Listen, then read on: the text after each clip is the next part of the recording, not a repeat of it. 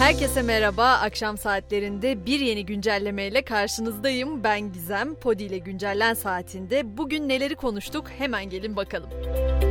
Türkiye'nin terör hedeflerine yönelik Pençe Kılıç Harekatı'nın yankıları sürüyor biliyorsunuz. ABD'dense konuyla ilgili tepki çeken bir açıklama geldi. Amerika terör hedeflerine yönelik operasyonda ölenleri sivil olarak nitelendirdi ama Türkiye'ye yönelik saldırıyla ilgili başsağlığı dilese de kınama mesajı yayınlamadı. Türk güvenlik güçlerine ait SİHA'larsa Suriye'nin kuzeyinde PKK-YPG'li teröristlerin kullandığı bir petrol tesisini vurdu. Cumhurbaşkanı Erdoğan da bugün bir kez daha kara harekatı mesajı verdi.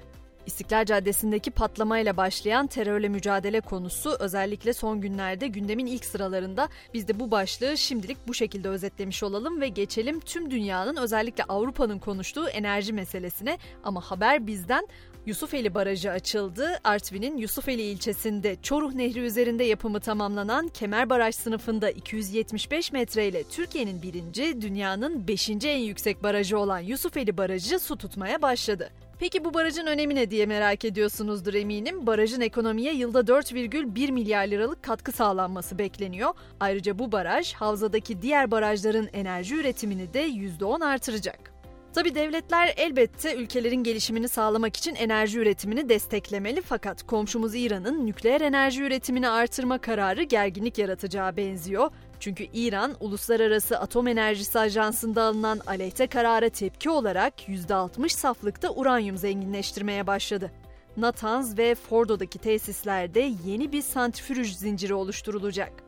Gündemin en önemli başlıklarından biri enerji krizi olduğu gibi diğeri de ekonomi biliyorsunuz. Biraz da rakamlardan, oranlardan söz edelim istiyorum. İlk haber Suudi Arabistan'ın Türkiye Merkez Bankası'na 5 milyar dolarlık mevduat girişi yapacağı haberi. Suudi Arabistan Maliye Bakanlığı sözcüsü bu konudaki müzakerelerin son aşamasında olduklarını açıkladı.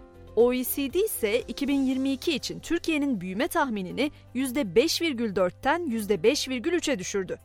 Küresel ekonomik büyüme tahmini ise %3'ten %3,1 seviyesine yükseltildi. Hazır ekonomiden söz ederken gün sonunda piyasaları da şöyle bir göz atalım. Dolar 18.62, Euro 19.14 lira seviyesinden işlem görüyor. Gram altın 1042, çeyrek altın 1704 liradan satılıyor. Benzine ise bir indirim daha gelecek. Bu gece yarısından geçerli olmak üzere benzinin litre fiyatı 1 lira 16 kuruş ucuzlayacak. Peki sanıyor musunuz ki ekonomiyle ilgili sadece bizden söz edeceğiz? Tabii ki hayır. Twitter'ı satın alması ve şirkette yarattığı çalışan kıyımıyla gündemin ilk sıralarında yer alan Elon Musk'ın serveti de erimeye devam ediyor. Musk'ın servetinde bu yıl yaşanan gerileme ilk kez 100 milyar doları aştı. Öte yandan Twitter kimlik hırsızlığı korkuları nedeniyle onaylı hesap olarak bilinen o mavi tik uygulamasının da yeniden başlatılmasını ertelediğini açıkladı. Şimdi biraz Avrupa'daki gezimize başlayalım. Almanya hükümeti vatandaşlık yasasında reform yapmayı planlıyor. Buna göre Türk vatandaşları da çifte vatandaşlık alabilecek. Vatandaşlık için Almanya'da 8 yıl ikamet koşulu da 5 yıla düşürülecek. Yasa değişikliği için hazırlıkların yıl sonundan önce tamamlanması hedefleniyor.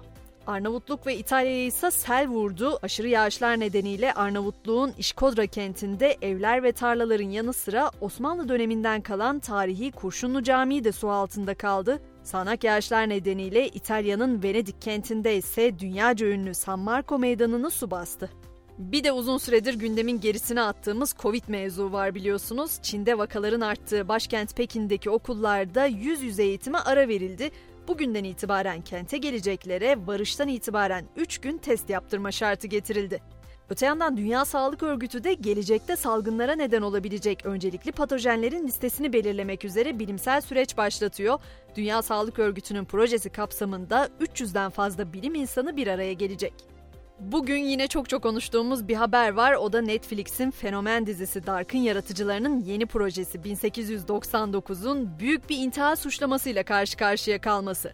1899'da New York'a doğru yola çıkan bir göçmen gemisi gizemli olaylar nedeniyle rotasını değiştiriyor ve sonrasında meydana gelen tuhaf olaylar anlatılıyor. Ama bu dizinin öyküsünün Brezilyalı çizer Mary Cagney'nin Black Silence adlı çizgi romanından çalındığı iddia ediliyor. Çizer 1899 dizisi 2016'da yayınladığım Black Silence çizgi romanıyla birebir aynı diye başlattığı tweet serisinde iki yapımın benzerliklerini sıraladı. Her şeyi anlattın Gizem. Peki uzayda ne var ne yok derseniz tabii ki oradan da haberim var. Artemis programı kapsamında uzaya fırlatılan Orion kapsülü Ay'a ulaştı. Mürettebatsız ilk test uçuşunda kapsül Ay'a 130 kilometre kadar yaklaştı. Hemen dünyanın kalbinin attığı Katar'a da bakacağız tabii ki. Lionel Messi Dünya Kupası'na mağlubiyetle başladı. Dünya Kupası C grubu ilk maçında Suudi Arabistan kupanın favorisi Arjantin'i 2-1 mağlup etti. Bu yenilgiyle tangocuların 36 maçlık yenilmezlik serisi de sona ermiş oldu. Peki Gizem Dünya Kupası'nda bu akşam neyi izleyelim derseniz hemen onları da sıralayayım. C grubunda saat 19'da Meksika-Polonya karşılaşması oynanacak. D grubunda ise Fransa-Avustralya mücadelesi var. Bu maçın başlama saatinin de 22 olacağını söyleyeyim ve akşam güncellenmemizi burada noktalayalım. Sabah 7 itibarıyla ben yine burada olacağım. Sizi de bekliyorum. Herkese iyi akşamlar.